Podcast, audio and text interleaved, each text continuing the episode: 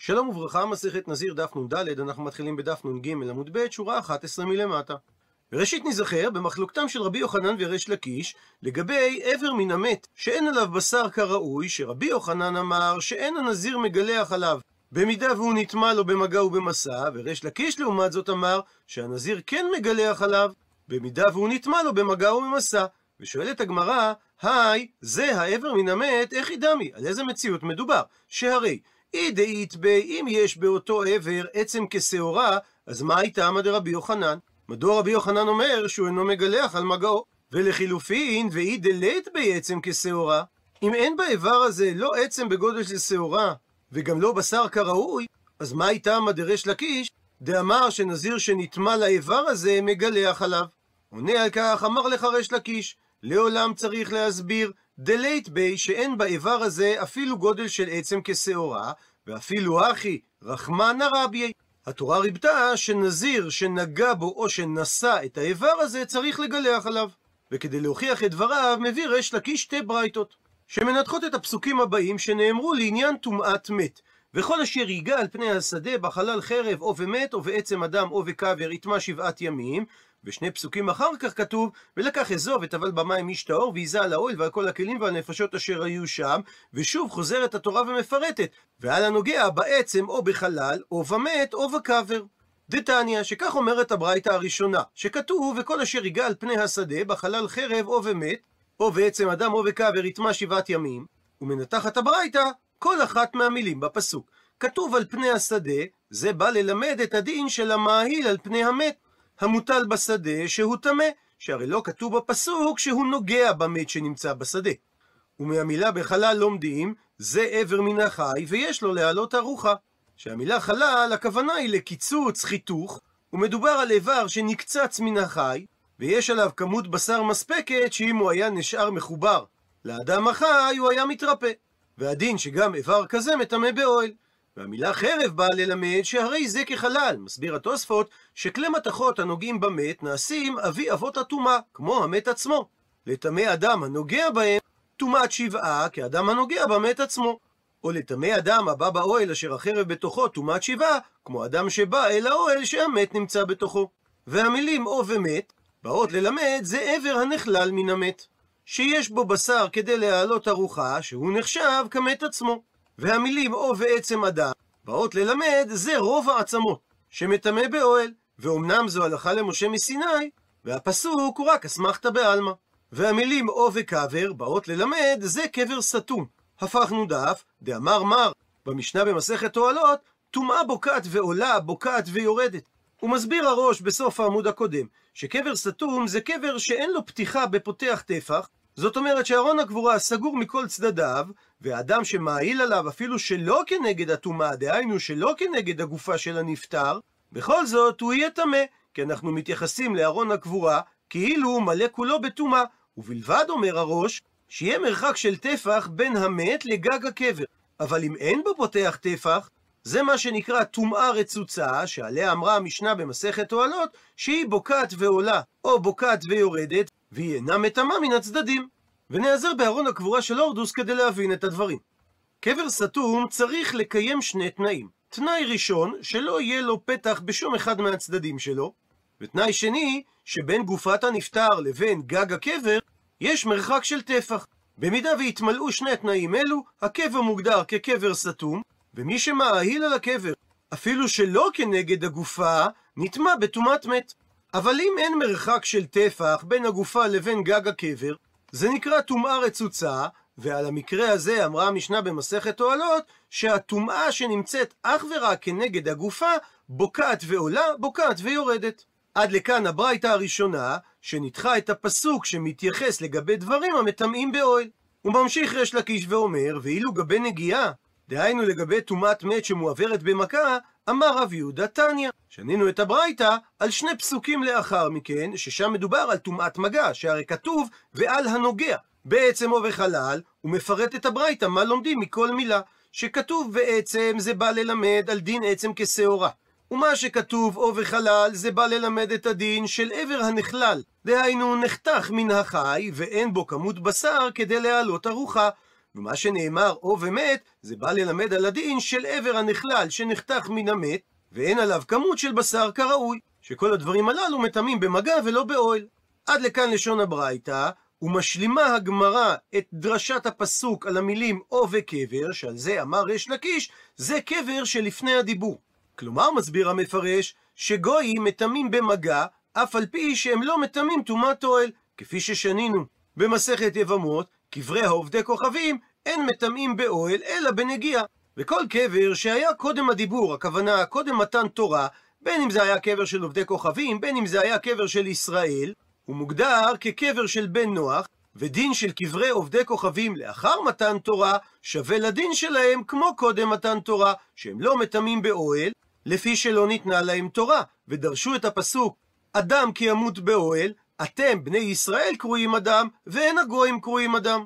עד לכאן דרשת הפסוקים, ומוכיח ריש לקיש את דבריו, היי, זה שנאמר בברייתא, עבר מן המת, היכי דמי, באיזה אופן מדובר? אם מדובר דאית בי שיש בו עצם בגודל של כשעורה, אז אם כך, היינו הנוגע בעצם. ולכן לא ייתכן להסביר כך. אלא בהכרח צריך לומר שעבר הנכלל מן המת, הכוונה דלית בי שאין בו עצם בגודל של כשעורה, ואפילו אחי, ולמרות כך, רחמנא רביי.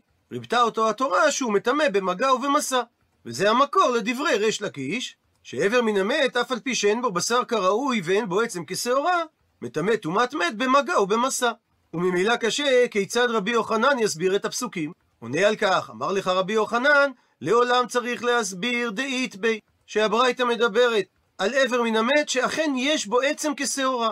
ואם אינו עניין למגעו, שהרי את הדין הזה כבר למדנו מזה שכתוב הנוגע ועצם, תנאו עניין למסעו, שגם מי שנושא איבר מן המת שיש בו עצם כשעורה, מטמא טומאת מת. אבל אם אין על העצם כשעורה, וגם אין עליה בשר כראוי, לעולם אומר רבי יוחנן, שאין טומאתו כלום, וממילא אין הנזיר מגלח עליו. ציטוט מהמשנה, הוא מזה בשלישי ובשביעי, וסותר את הקודמין, ואינו מתחיל למנות את נזירות הטהרה עד שיטהר. ונזכר בקצרה במחלוקת התנאים שהובאה בדף י"ח.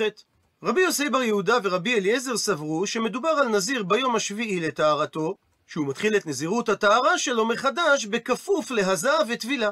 לעומת זאת רבי, חכמים ורבי ישמעאל בנו של רבי יוחנן בן ברוקה סוברים שמדובר על היום השמיני מתחילת הטהרה של הנזיר שנטמע, והוא יכול להתחיל את נזירות הטהרה שלו בכפוף ל, לפי רבי, מרגע שהתחיל היום, גם ללא הבאת קורבנותיו, לפי חכמים, רק לאחר שהוא יביא את קורבן החטאת, ולפי רבי ישמעאל בנו של רבי יוחנן בן ברוקה, רק לאחר שהוא יקריב את קורבנות החטאת והאשם.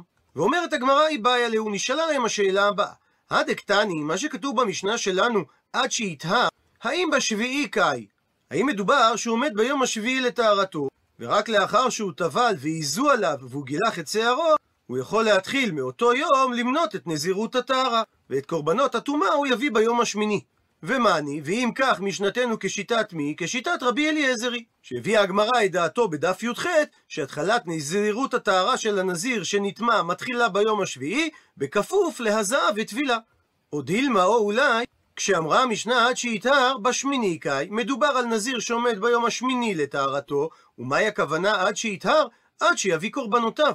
ומאני, ואם כך, כשיטת מי המשנה שלנו? כשיטת רבנני. שאמרו שהתחלת נזירות הטהרה של הנזיר שנטמע זה רק מהיום השמיני, בכפוף להקרבת קורבן החטאת. עונה הגמרא תשמע, בו שמע הוכחה, מדקתני סיפא, מזה שכתוב בסוף המשנה, והכוונה למשנה הבאה שמופיעה אצלנו בעמוד, ומזה בשלישי ובשביעי, ואינו סותר את הימים הקודמים, אלא מתחיל ומונה מיד את המשך נזירות הטהרה, ומדייקת הגמרא, הרישא, אז אם כך, הרי שברישא, דהיינו במשנה שלנו, מהי הכוונה עד שיטהר? בהכרח הכוונה עד שיביא קורבנותיו. שהרי בשונה מהלשון בסיפא, ששם נאמרה הלשון, הוא מתחיל ומונה מיד, ומדובר על נזיר שאינו זקוק להביא קורבן טומאה, נקטה המשנה שלנו את המילים עד שיטהר. דהיינו עד שיביא קורבנותיו. שזה ביום השמיני, ואם כך, ומאני כשיטת מי משנתנו כשיטת רבנני. דאמרי, נזירות דטהרה, עד היום השמיני לאחר שהוא יביא את קורבן החטאת, לא חי לה. אין הנזירות חלה. ואומרת המשנה, בהמשך למשנה הקודמת, שדיברה על טומאות שהנזיר מגלח עליהם, אבל הסככות והפרעות ובית הפרס וארץ העמים והגולל והדופק ורביעית דם ואוהל ורוב העצמות וכלים הנוגעים במת וכאשר מדובר על נזיר שנצטרע ובימי סופרו ובימי גומרו, על אלו אין הנזיר מגלח. הוא מסביר המפרש, סככות זה אילן שמסך על הארץ, ויש טומאה תחת הנוף שלו. דהיינו תחת אחד הענפים, ואין ידוע כנגד מי, ואותו עיקרון לגבי אבנים הפרועות היוצאות חוץ מן הגדר, ויש טומאה תחת אחת מהם, ולא ידוע תחת איזה אבן, והלך הנזיר תחת חלק מהאבנים, שהוא נטמע רק מדי רבנן, ולכן הוא לא מגלח. ובית הפרס זה שדה שנחרש בו קבר עד למרחק של מאה אמה, וחששו חכמים שמא דלדל המחרשה בעצמות של המת, וישתייר שם עצם כשעורה. וגם הטומאה הזאת זה רק דרבנן. וארץ העמים, שגזרו חכמים טומאה על כל מקום שהוא חוץ מארץ ישראל, ומדובר שהנזיר נזר בארץ ישראל, ותוך כדי ימי נזירותו הוא יצא לטיול בחוץ על הארץ, והוא אינו מגלח מפני שזה טומאה דרבנן. ולגבי ההסבר מה זה גולל ומה זה דופק, יש מחלוקת ראשונים. רש"י פירש שגולל זה כיסוי הארון, והדופק זה הדופן של הצדדים של ארון הקבורה. רבנו תם לעומת זאת פירש שגולל זה המצבה, ודופק זה האבנים שהמצבה נשענת בהם. פירוש נוסף, שאבן הגולל זה האבן שאיתה היו סוגרים את מערכת הקבר שהייתה חצובה בסלע. כך או כך, מי שנוגע בגולל או בדופק, הוא נטמע מדאורייתא טומאת מת, ולמרות זאת אם הוא נזיר הוא לא מגלח, כפי שתלמד הגמרא מהפסוקים. וכך גם אם הנזיר נטמע מכמות שקטנה מחצי לוגדם, או פחות מחצי קו עצמות, ונקטה המשנה לשון ורביעי דם ברוב העצמות, מפני שאלו שיעורים המפורשים בפרק הראשון של מסכת אוהלות שהם מטמאים באוהל. ולמרות זאת נזיר לא מגלח עליהם. וכך גם אם הוא לא היה בתוך אוהל שנמצא בו מת, אלא נגע באוהל מבחוץ. וכן אם הוא נגע בכלי עץ הנוגעים במת, שהוא לא מגלח, כפי שתלמד הגמרא מהפסוקים. ונזכר בשלושה מושגים לגבי מצורע. ימי הסגרו, כתוב בתורה, ואם בארת לבנה היא באור בשרו, ועמוק אין מראה מן האור, ושערה לא הפך לבן, והסגיר הכהן את הנגע שבעת ימים. אם אין סימני הצהרת ברורים כל צורכם, הכהן מסגיר את האדם לשבעה ימים, במקרים מסוימים ייתכן והכהן יסגיר אותו יותר מפעם אחת. הימים הללו נקראים ימי הסגרו. מצורע שטמאו הכהן נקרא מצורע מוחלט, הוא יושב מחוץ למחנה עד שמתרפא. הימים הללו שהוא יושב מחוץ למחנה נקראים ימי גומרו, דהיינו הימים שהוא בהם מצורע גמור. ולאחר שנתרפא מצרתו, הוא מביא שתי ציפורים חיות טהורות ומטהר עצמו, כמו שמפורש בפרשת מצורע, וגילח את כל שערו ורחץ במים וטהר, ואחר יבוא אל המחנה, וישב מחוץ לעולו שבעת ימים, והיה ביום השביעי שוב פעם יגלח את כל שערו. מהפסוק הזה נמצאנו למדים שהמצורע מגלח פעמיים, והימים שבין שתי התגלחות הם נקראים ימי סופרו, שהוא סופר בהם את שבעת ימי טהרתו. אז נזיר שמנע מקצת מהנזירות ונצטרע, אין טומאת הצרעת סותרת את ימי הנזירות, כך שלמרות שהוא גילח במהלך הטהרה מהצרעת פעמיים את שערו, הוא לא מגלח פעם שלישית עבור תגלחת נזיר טמא.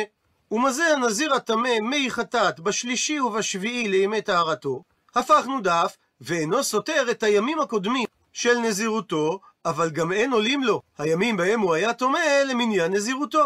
אלא הוא מתחיל ומונה מיד את נזירות הטהרה, וקורבן אין לו. שהוא אינו מביא את הקורבן שנזיר טמא מביא, שזה חטאת ועולת העוף והשם. ואומרת המשנה, באמת אמרו, הוא מסביר המפרש שהכוונה שזה הלכה למשה מסיני, שבימי הנזיר שבהם הוא היה הזב או והזבה או וימי הסגרו של מצורע, הרי אלו הימין עולים לו למניין ימי נזירות הטהרה שלו. ומביאה הגמרא משנה ממסכת תועלות, ואלו הן הסככות, אילן המסך על הארץ, ופרעות הכוונה לאבנים היוצאות מן הגדר. הוא מסביר הראש שיש כזית מת תחת אחד מן הענפים ואין ידוע תחת איזה, או שיש כזית מן המת תחת אחת מהאבנים ואין ידוע תחת איזו.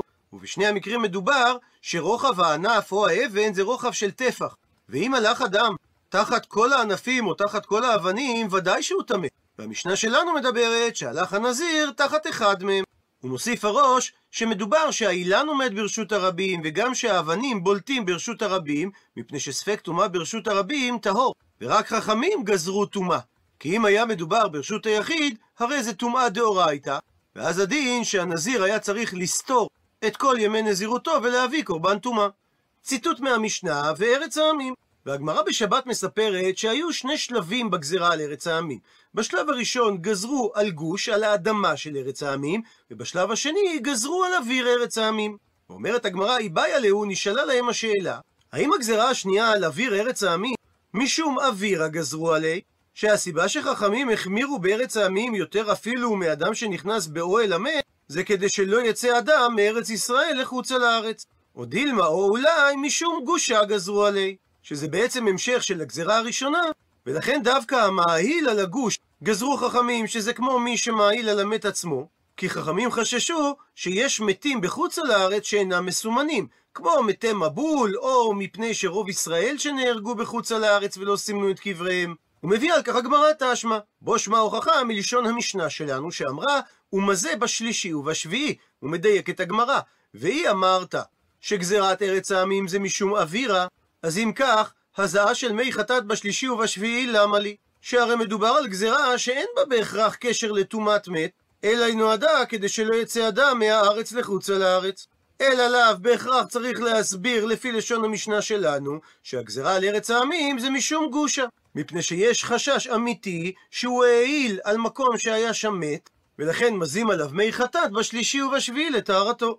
דוחה הגמרא את ההוכחה שלא בהכרח צריך להסביר כך את המשנה, כי לעולם אי מלאך ניתן להסביר את המשנה באופן הבא, שאכן הגזרה על ארץ העמים זה משום אווירה, ובאמת אדם שנטמע כי הוא יצא לארץ העמים, לא צריך לעזות עליו. וכי קטני, ומה שכתוב במשנה, ומזה בשלישי ובשביעי, זה נאמר השערה. על שאר אופני הטומאה שנאמרו במשנה, כמו הנזיר שעבר תחת הסככות ותחת הפרעות. מביאה הגמרא סייעת על ההסבר הזה, שהכי נמי מסתברא, כך גם מסתבר לומר, מדקטני, מזה שכתוב במשנה, וכלים הנוגעים במת, והרי לא ייתכן להסביר שנזיר שנגע בכלים שנגעו במת, צריך עזה, שהרי האם בעקבות הני כלים שנגעו במת, שהם בדרגה של אב הטומאה, בני הזעה ינון? הם יגרמו לחיוב הזעה למי שנגע בהם? הרי הנוגע בהם הוא בדרגה של ראשון לטומאה, שטמא יום אחד בלבד, בוודאי שלא צריך הזעה, אלא בהכרח שמע מינה השערה. שמה שאמרה המשנה ומזה בשלישי ובשביעי, היא לא דיברה על כל הטומאות שנשנו במשנתנו, שכפי שזה לא כולל את מי שנגע בכלים הנוגעים באמת, כך גם ניתן להסביר שגזרו על ארץ העמים משום אווירה, ונזיר שהיה בחוץ לארץ לא צריכים להזות עליו. עד לכאן דף נ"ד.